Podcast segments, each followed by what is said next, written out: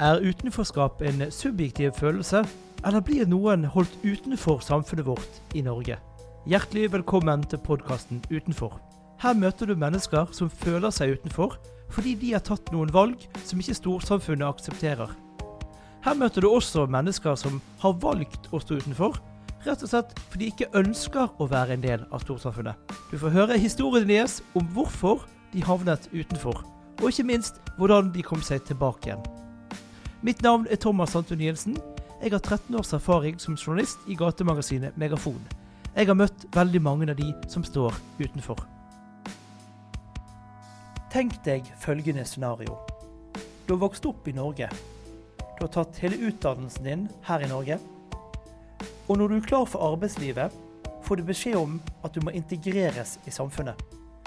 Norges statsminister inviterer til en integreringsdugnad, slik at du kan komme ut i arbeidslivet. Ville ikke du òg følt deg utenfor? Dette er mitt møte med Mats Bendiksen. Hjertelig velkommen til en ny podkast av Utenfor podkast. I dag er Mats Bendiksen. Velkommen skal du være. Tusen hjertelig takk. For å sitte deg litt i kontekst hvem du er. eh, Du var jo nylig ute i Bergenstidene, hvis jeg husker riktig, og pratet om eh, det å bli holdt utenfor grunnet til at du faktisk eh, har en fysisk utfordring, nemlig at du sitter i rullestol. Mm. Og så tok du også opp et eh, forslag i bystyret nylig, i Mm. Bergen, eh, der du også ønsket en mer fokus på at en ordning hvor man kan skape trainee-stillinger i Bergen kommune for mennesker som, som trenger litt ekstra hjelp til å komme seg inn i arbeidslivet. Mm. Er det en sånn cirka oppsummert riktig? Det er en god oppsummering i kortfattethet. Kortfattethet. Men nå Ja. skal vi ha den lengre innledningen. Den, eh, den Ja. kommer jo nå de neste minuttene. Ja. Ja, for du jo, har jo engasjert deg spesielt for mennesker med, med fysisk utviklingshemming. Den funksjonsnedsettelsen. Ja, nok går jeg på en smell med en gang. Begrepsapparatene, vet du. Det. Ja. Ja. ja, men det er godt du, godt du retter på meg. Jeg liker det. Fyk, fysisk Eller personer med nedsatt funksjonsevne er vel liksom den beste betegnelsen å bruke. Ja. Ja. ja for hva, hva er din nedsettelse, da? Eh, jeg har en eh, med, medfødt eh, nevrologisk eh, diagnose som, eh, som heter så fint eh, doparesponsiv dystoni. Du har sikkert aldri hørt om han, og du kommer sikkert aldri til å høre om han igjen. Eh, men det er i hvert fall en veldig sjelden nevrologisk tilstand. Eh, som gjør at eh, min eh, hovedutfordring er at jeg ikke kan gå så veldig langt på beina mine. Så derfor må jeg bruke en rullestol eh, for å transportere meg rundt forbi. Eh, men sånn utover det så er jo jeg stort sett eh, frisk. Ja, ja. Hvis, hvis man skal bruke det begrepet på det. Ja. Men ja. Ja oppegående, hyggelig ung fyr. Enkelt og greit. Takk. Ja, ja men det, vi, har jo, vi har jo gått sammen bort hit. Eller Ja. du har trillet, jeg har gått. Og det var jo sant, Det er jo som to tjommier på tur som preiker skit om Politikk. det er ikke så veldig komplisert. Nei, det er ikke det. Nei. Men hvorfor er det så komplisert å komme inn i arbeidslivet? Nei, det tror jeg nok er litt forskjellige faktorer. Eh, For å bruke meg sjøl, da, så på en måte dette skal handle om meg, eh, så tenker jeg nok at eh, eh, eh, I mitt tilfelle så er det, er det, en, eh, er det nok en trippelkombinasjon. Eh, og da uavhengig av rekkefølge så går det på at eh, eh, jeg har da en funksjonsnedsettelse som gjør at jeg bruker rullestol. Dermed har jeg et synlig handikap. Eh, det er det ene. Eh, det andre er at eh, jeg har en CV som på en måte bærer preg av min livshistorie. Og, og i det legger jeg at eh, jeg har på en måte måttet starte livet mitt i, i litt i anførselstegn senere pga. at jeg ikke har hatt en diagnose før i voksen alder. Så det var vanskelig for meg å kunne utdanne meg og jobbe og den type ting i de årene. Spesielt i tidlig 20-årene og midten av 20-årene, som mange danner grunnlaget sitt eh, for resten av karrieren sin. Og så er det selvfølgelig at jeg også har tatt en utdanning. Jeg er jo da utdannet vernepleier. Eh, og det er nok ikke så veldig mange i rullestol eh, som er utdannet vernepleier. Så jeg har liksom ikke gått en A4-vei i forhold til å det være rullestolbruker. Eh, og klart at eh, det er jo nok også noe av det som gjør at eh, jeg møter de barrierene jeg møter i forhold til det å komme inn på arbeidsmarkedet, rett og slett. Jo, men vernepleier i rullestol må jo være gull i steder hvor man også har andre mennesker man skal jobbe med i samme situasjon som deg, i rullestol. For da har du både den erfaringskompetansen, eh, og du har også den formelle kompetansen til å jobbe nettopp med den målgruppen. Jeg ville jo tenkt helt motsatt. at Her er jo et kinderegg av dimensjoner av eh, der du både har fagkompetansen og erfaringskompetansen. Så det burde jo vært det, det motsatte, syns jeg, da. Ja, og det, og det er jo det på en måte jeg tenker sjøl, og, og, og, mange- med meg er jo altså jeg, jeg bruker gjerne begrepet dobbeltkompetanse. Eh, og det som du sier, både formalkompetansen min i form av utdanningen min, men jeg har jo også en solid realkompetanse etter hvert. Og klart at når du sammenfletter de to tingene der inn i den verden da som på en måte en vernepleier er på en måte utdannet innenfor, så vil jo jeg påstå at det er et kjempepluss. Eh, fordi at man har, får en del perspektiver på ting, og man får en del eh, vinklinger på ting som kanskje ikke alle på sine to bein hadde fått. Det er det ene. Og så er jo selvfølgelig det at eh, klart at jeg har jo min solide erfaring i møte med det helsevesenet eller det hjelpeapparatet som, som på en måte jeg sjøl har lyst til å jobbe i.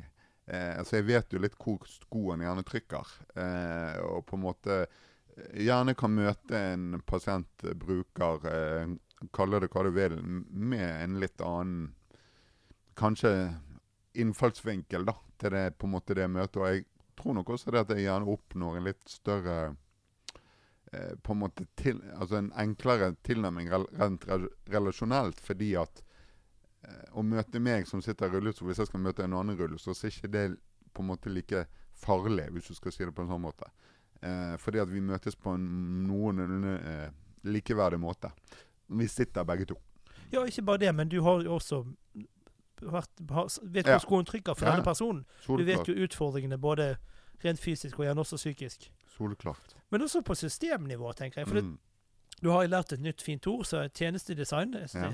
var, på, eh, var på seminar og ledet et seminar med KS, og da lærte jeg om, om tjenestedesign. Mm. Også der må det være perfekt å kunne bruke deg, nettopp fordi du vet hvilken, hva som skal til for å lage en god tjeneste for den gruppen du selv også er en del av. Ja da, og det, det er klart at det, det, det er jo eh, som, som du sier, Thomas, jeg har, jeg har nok en del eh, Jeg har nok en del eh, både tanker og eh, meninger og, og, og, og ser gjerne ting på en litt annen måte enn det mange andre gjerne gjør. Eh, eh, og det er både bevisst og ubevisst, på en måte. Så, så, så eh, jeg har jo på en måte jobbet litt på systemnivå tidligere. og jeg har jo kjent på en eh, sånn For Jan, jeg har møtt meg sjøl ganske mye i døren eh, gjennom å være på det. Og det er litt det samme som når jeg begynte på utdanningen min, at, eh, at eh, en av mine beste kompiser sa til meg den gangen som, Han er også vernepleier, da. Og han sa så fint at eh, eh, nå må du være forberedt på at du kommer til å møte deg sjøl utrolig mye i døren de neste tre årene på denne utdanningen. Det var liksom det første han sa til meg når jeg begynte på utdanningen. Og det fikk han helt rett i. Eh, men, jeg, men det fine med det er jo at det har gitt meg ganske mye eh, ballast. Og det har gitt meg ganske mye på en måte perspektiver på ting da, som, som jeg på en måte ønsker å formidle videre. Har du eksempler på ting du, der du møtte deg sjøl i døren? Ja, for eksempel eh, Første konkrete eksempel jeg kommer på i utdanningssammenheng, er jo at jeg eh, eh, Første praksisen jeg skulle ha på utdanning, da jeg var på førsteåret, eh, da skulle jeg eh, ha praksis i en avlastningsbolig eh, som er rettet, for, eh, rettet mot eh, multifunksjonshemmede barn. Eh, det som da er litt morsomt med det, er jo at den samme avlastningsboligen har jo jeg sjøl vært i når jeg var barn. Nå jeg har jo ikke jeg en multifunksjonshemning, men, eh, men den gangen der var det en litt annen organisering på dette. Men det samme stedet, med da mange av de samme folka som jobbet der nå, jobbet der den gangen også. Og det var litt morsomt og litt utfordrende. Og på en måte jeg måtte gå mange runder med meg sjøl i forhold til hva tenker jeg om dette, hva syns jeg om dette, hvordan er min innstilling til dette, osv. osv. Så, videre. så Så det, det smalt jo allerede der, da. Eh, Og det var jo første halvåret, på en måte. Ja, for da har du brukeropplevelsen og Ja. forholdet som bruker, og der du også har gjerne terapeutene som du har hatt Ja. et litt på si, underdanig forhold til. Ja. Plutselig skal du nå ha et likeverdig forhold til det Ja. også. Så jeg ser at den, den kan by på utfordringer. For da kan jo gjerne de irritasjonene du hadde som bruker, Mm. komme til overflaten, men denne gangen har du plutselig kraft som, som kollega og kunne Ja snakke om det. Og det er jo det som og det er jo det på en måte det jeg merket i så måte den gangen, var jo på en måte at eh, be, bevissthetsnivået mitt i forhold til hvilken rolle jeg har, blir jo ekstremt viktig. Eh, fordi at jeg, på en måte Hvem er jeg nå i denne settingen, på en måte?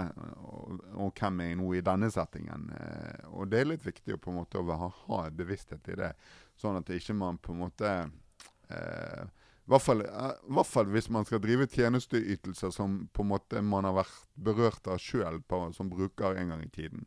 Så er det på en måte litt viktig å, å på en måte sette seg sjøl litt til side og si at OK, dette handler ikke om deg, Mats. Dette handler om deg, Mats vernepleier, på en måte. Og greie å skille på den, da.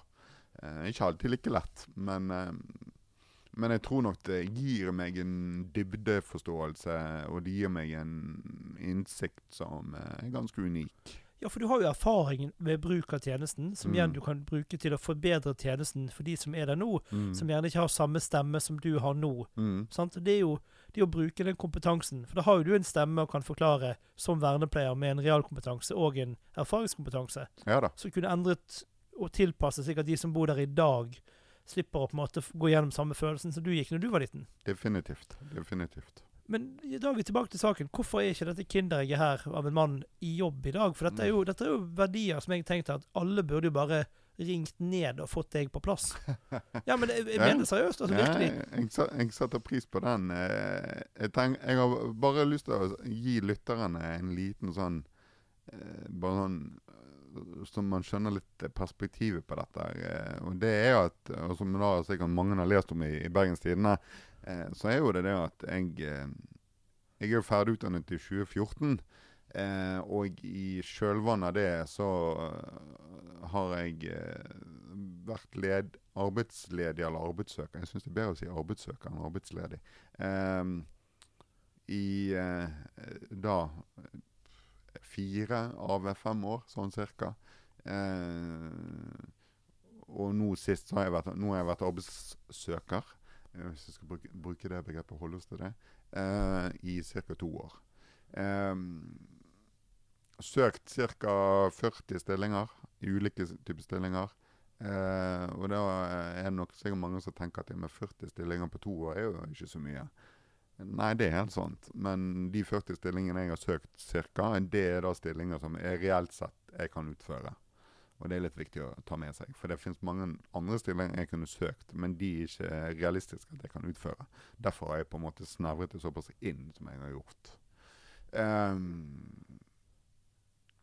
og jeg tenker at um, Hvorfor arbeidsgivere ikke tør? Det, for det, jeg føler litt det det handler om. Jeg føler det litt det dette handler om. Eh, tørre.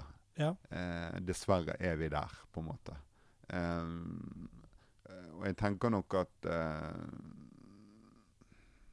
Jeg tenker at det ligger en del eh, Det ligger nok dessverre en del både forutinntatte og eh, en del eh, både skjulte og ikke så skjulte fordommer eh, i forhold til det at du representerer noe litt annerledes.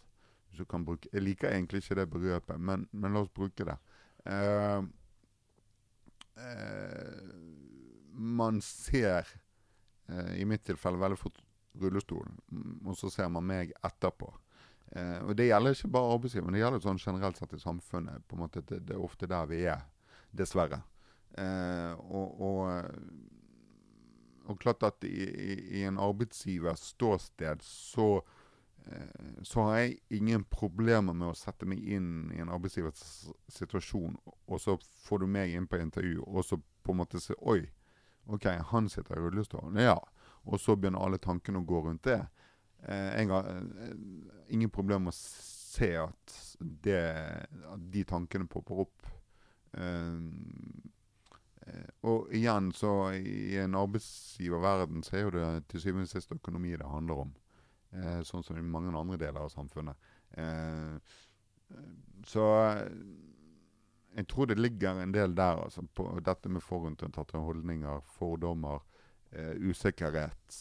Eh, litt sånn eh, på en måte OK, dette har ikke jeg vært med på før. ok. Og så gjør man det Kanskje den største generaltabben jeg tror man gjør, er at man gjør det til mye større sak enn det det er. Ikke sant? Altså, man, man, man blåser det så voldsomt opp for seg sjøl. Mens realiteten er jo ikke der i det hele tatt. Og, og så, ikke minst så tør man ikke spørre. Det er sant. Det, det skal jo ikke, som vi snakket om på veien bort hit, det skal jo ikke mer til enn en tilpasset pult og en, en kontor du kan trille inn på. Det er vel alt forskjell på meg og deg som arbeidstakere.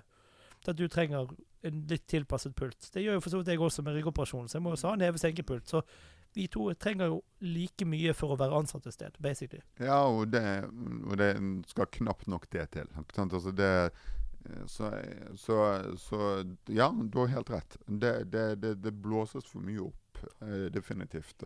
Eh, det er litt sånn Og så, blir det liksom Og så jeg tror jeg litt at disse her begrepene som ja, Dette med universell utforming, alle disse litt store, tunge begrepene, de ligger der veldig.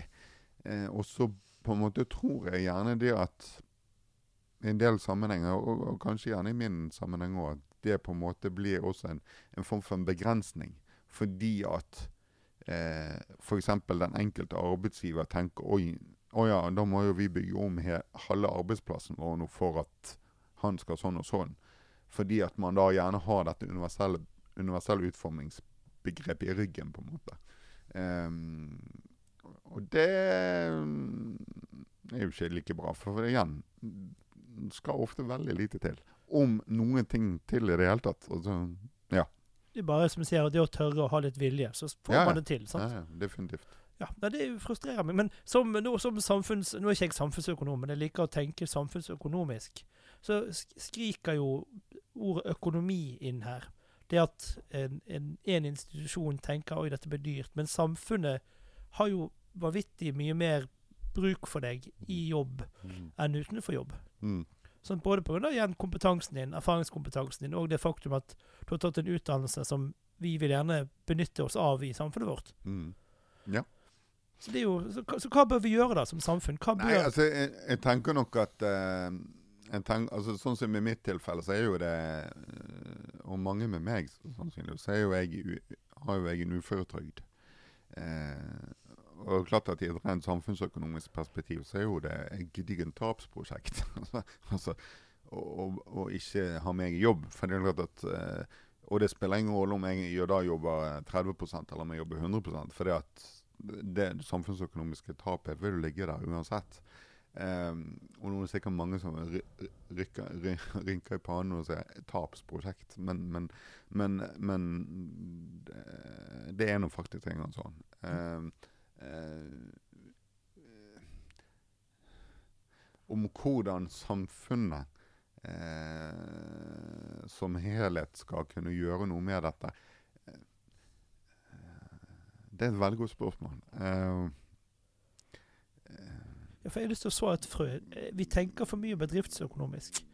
Vil si at det blir et tap for en én budsjettpost. Mm. Og så ser man ikke gevinsten på de andre budsjettpostene. Man klarer ikke å se den, den overordnede tankene. Mm. Igjen som vi snakket om tidligere, at Hvis du får en jobb, la oss si i Bergen kommune, så, så kanskje må Bergen kommune øke sin lønnspost bitte lite grann. Mm. Men samtidig skal jo AS Norge senke sin ved at du faktisk A blir en skattebetaler, mm. og B slipper å gå på uføretrygd. Mm. Og du selvfølgelig får bedre kjøpekraft og at du får bedre lønn, mm. og kan også bidra og, til forbruket. Du kan kjøpe ting, du kan bli mer selvstendig og kjøpe ting, og du kan kose deg mer. Som igjen er bedre for Norge. Mm. Ja, ja, klart det. Klart det. det men, men, jeg tror nok, jeg tror nok eh, noe av det som eh, på en måte Litt som jeg var inne på i sted, så er det litt det der med hvor stort man velger å blåse opp ting. Eh, jeg føler nok litt at eh, at eh, ting blåses forferdelig stort opp. Eh, ting som gjerne ikke er nødvendig at det blåses så, så vanvittig stort opp. Eh, litt sånn f.eks. dette med som, som nå er, er, jo veldig på dagsorden eh, politisk sett. Dette med den berømmelige inkluderingsdugnaden som Erna Solberg og co. Virkelig har eh, gått i front for å reklamere for. Eh, den kan jeg si veldig mye om.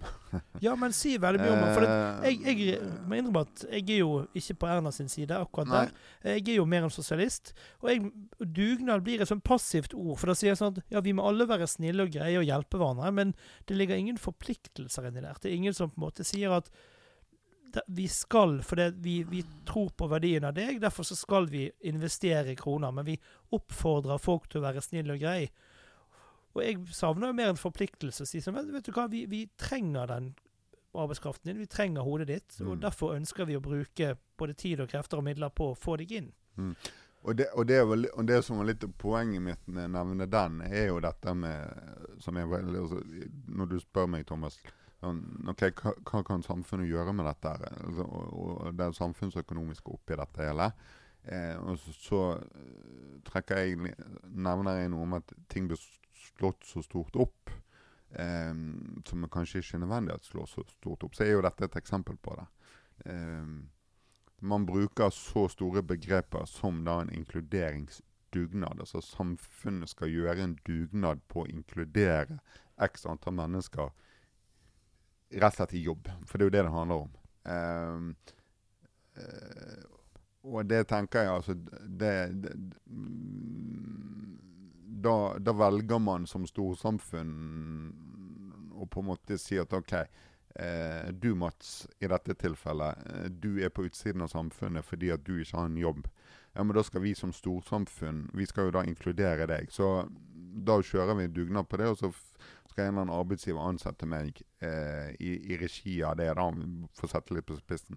For å være snill, for, Ja. som en del av dugnaden. Og, det, og den, den mentaliteten der, den, den støtter jeg ikke. Den, den treffer meg eh, Den stikker ganske dypt i meg. Ja, Og den, den forstår jeg, for du er jo definert i utenforskap. Ja, og, og, vi har definert deg at du hører til i utenforskapet, og nå skal vi alle sammen hjelpe deg inn i fellesskapet. Ja. Sant? Istedenfor å si du er en del av fellesskapet, Mats. mm, Hvordan kan vi bruke deg som Ja. verdifull ressurs i fellesskapet? Så du blir definert som i utenforskap, og nå skal vi prøve å hjelpe deg tilbake i fellesskapet.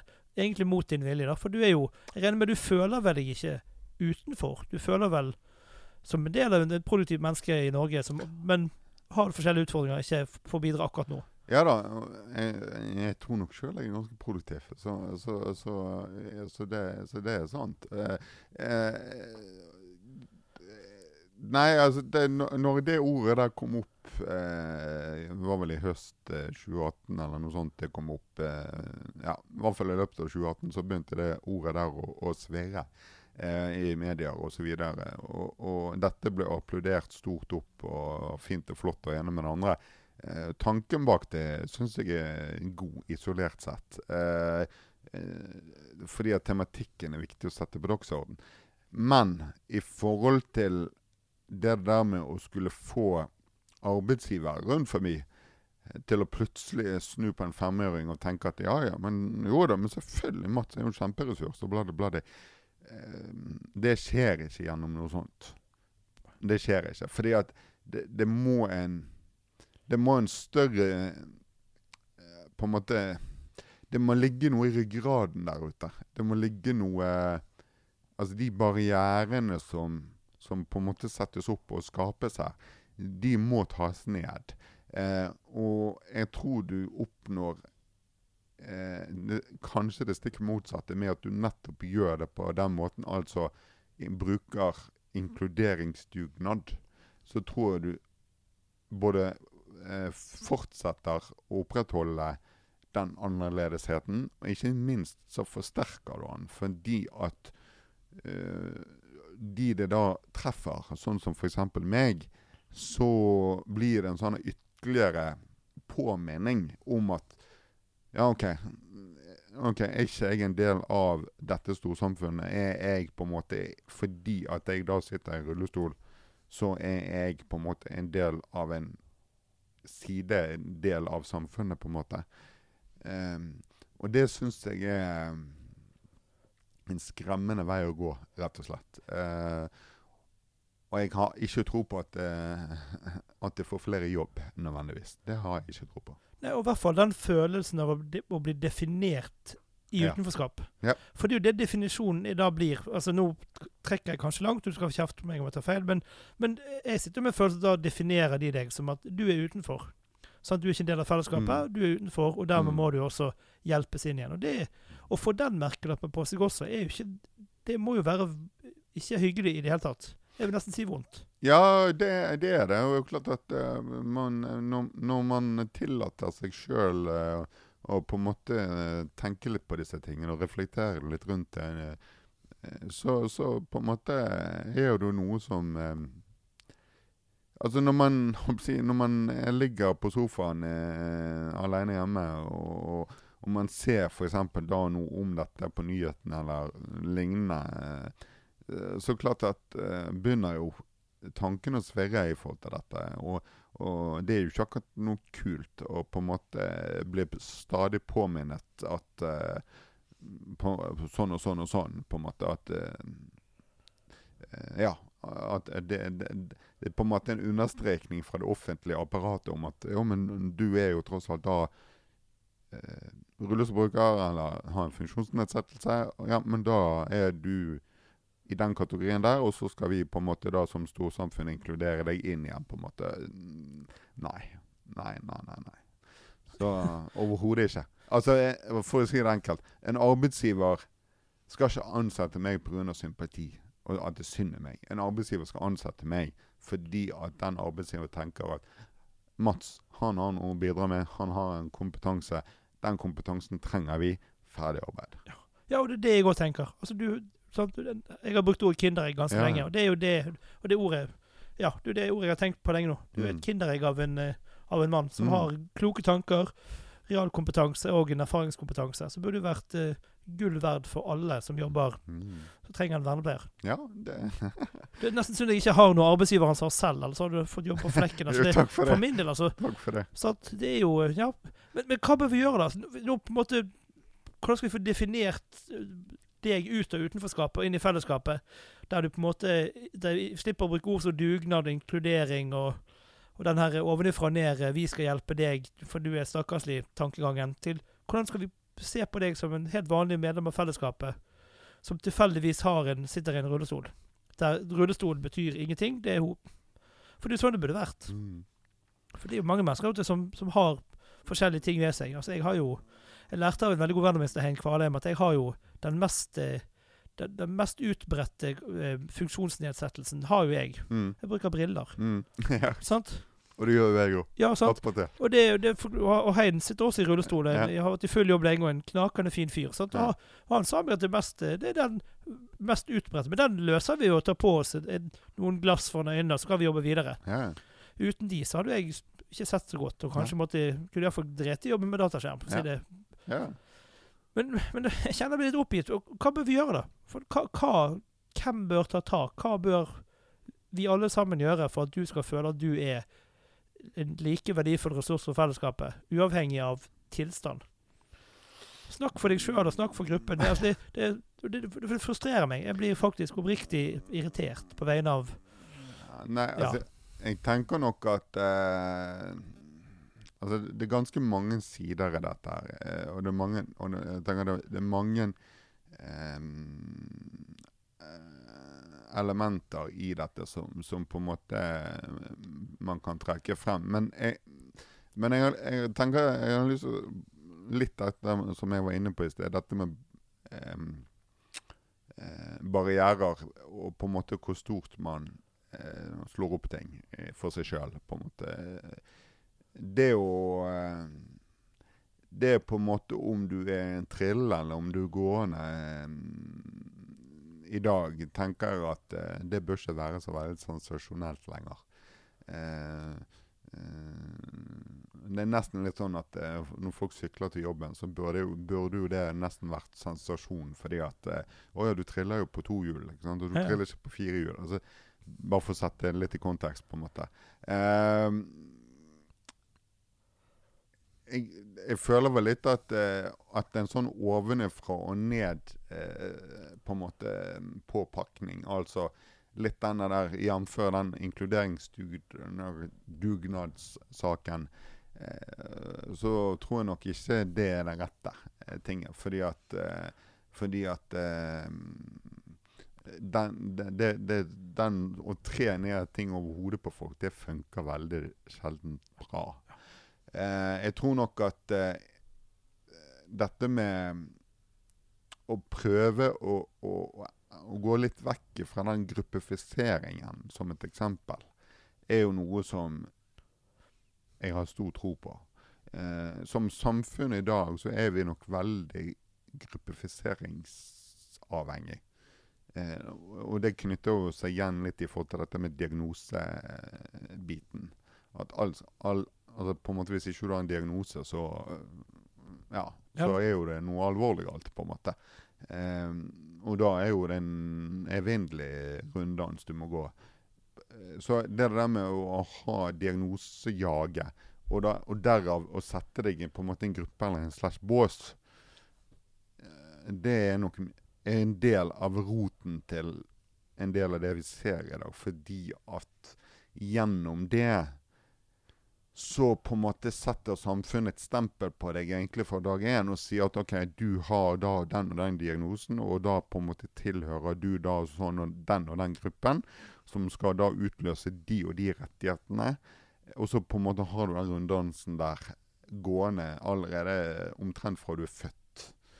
Eh, og klart at når, når, du som samfunn bærer med deg det, eh, så tror jeg nok at eh, at eh, det gjør noe med, med tankesettet. Det gjør noe med eh, på en måte den, den der annerledesheten som jeg var litt inne på i sted. Eh, den blir så forsterket gjennom det, på en måte. Eh, nå sier ikke jeg at, at, eh, at, man ikke skal på en måte ha en, i dette tilfellet en diagnose eller den type ting. For det er klart at det gir jo en del svar på ting. Men, men, men jeg tror vi må se litt på hvordan vi velger å agere på disse tingene. Jeg tror vi må se litt på hvordan eh, hvordan det slår ut i en samfunnsmessig kontekst, på en måte. Eh, akkurat den biten der. Eh, så tenker jeg vel også litt som, eh, som jeg nok eh, er også litt opptatt av. Jeg, jeg satt senest i går og diskuterte med en god kompis av meg dette med hvordan organisasjoner holder på, og hvordan organisasjoner driver. Eh, og klart at En av de tingene jeg ser, er jo at en del organisasjoner de driver nettopp med gruppifisering. Altså ytterligere forsterkning av den gruppetankegangen. Eh, og jeg føler litt at da ofte det blir litt sånn OK, eh, oss som organisasjon slash gruppe mot samfunnet, på en måte.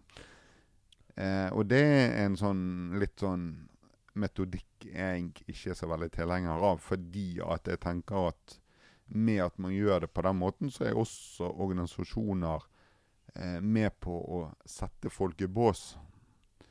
Eh, og jeg tror gjennom det at man blir satt i bås, så tror jeg også det at barrierene, sånn som denne podkasten egentlig handler om, for, eller tematikken for denne podkasten i dag handler om, eh, nettopp jobb og arbeidsliv, så er jo det nettopp det med å båssetting er ikke til fordel, på en måte. Nei, men, også, men det, jeg, jeg, ser jo La oss først nå bare være grei med høyresiden og si at jeg tror ikke de mener det vondt ment når de lager denne dugnaden. Jeg tror heller ikke organisasjonene mener det er vondt ved å båsette, Men det handler jo, som jeg har hørt i hver eneste podkast, handler om å finne sin egen stamme. Finne sin egen gjeng. Og liksom, mm. Når du blir definert ut av en gjeng, så må du gjerne skape en gjeng for å ha en tilhørighet. Jeg tror mm. gjerne organisasjonene prøver å skape da en gjeng der alle kan føle seg en tilhørighet til. Men samtidig også så lærte jeg et postulat. Det er jo at på seg selv kjenner man ingen andre. Mm. Det vil si at din situasjon er jo ikke overførbare det samme som dine to naboer, som jeg også vet hvem, hvem er. Altså, mm. Du har jo en helt annen situasjon enn de to igjen, så ja. man må jo tilpasse til det enkelte individ, i stedet for bare som å si at, sette i bås og si at alle som alle sitter i rullestol, de er der. Mm. Men det betyr jo ikke at alle i rullestol har samme behov. Eller trenger de samme tingene. sant? Nei, og, og det er litt sånn den, altså, Litt den der eh, like barn leker best-tankegangen. Eh, noen sammenhenger kan den være matnyttig og, og, på en måte fin tankegang. Eh, personlig så er jo det noe, noe av det verste jeg vet. Det er når noen omtaler meg som i, Altså i, i, da i en kontekst som sier Å ja, dere eller dere rullestolbrukere. Eller oss, på en måte. Altså bruker den terminologien. Da kjenner jeg at eh, jeg blir hissig. Fordi at jeg Fordi at jeg sitter i en rullestol, så er ikke jeg rullestolbrukere i flertall. Nei.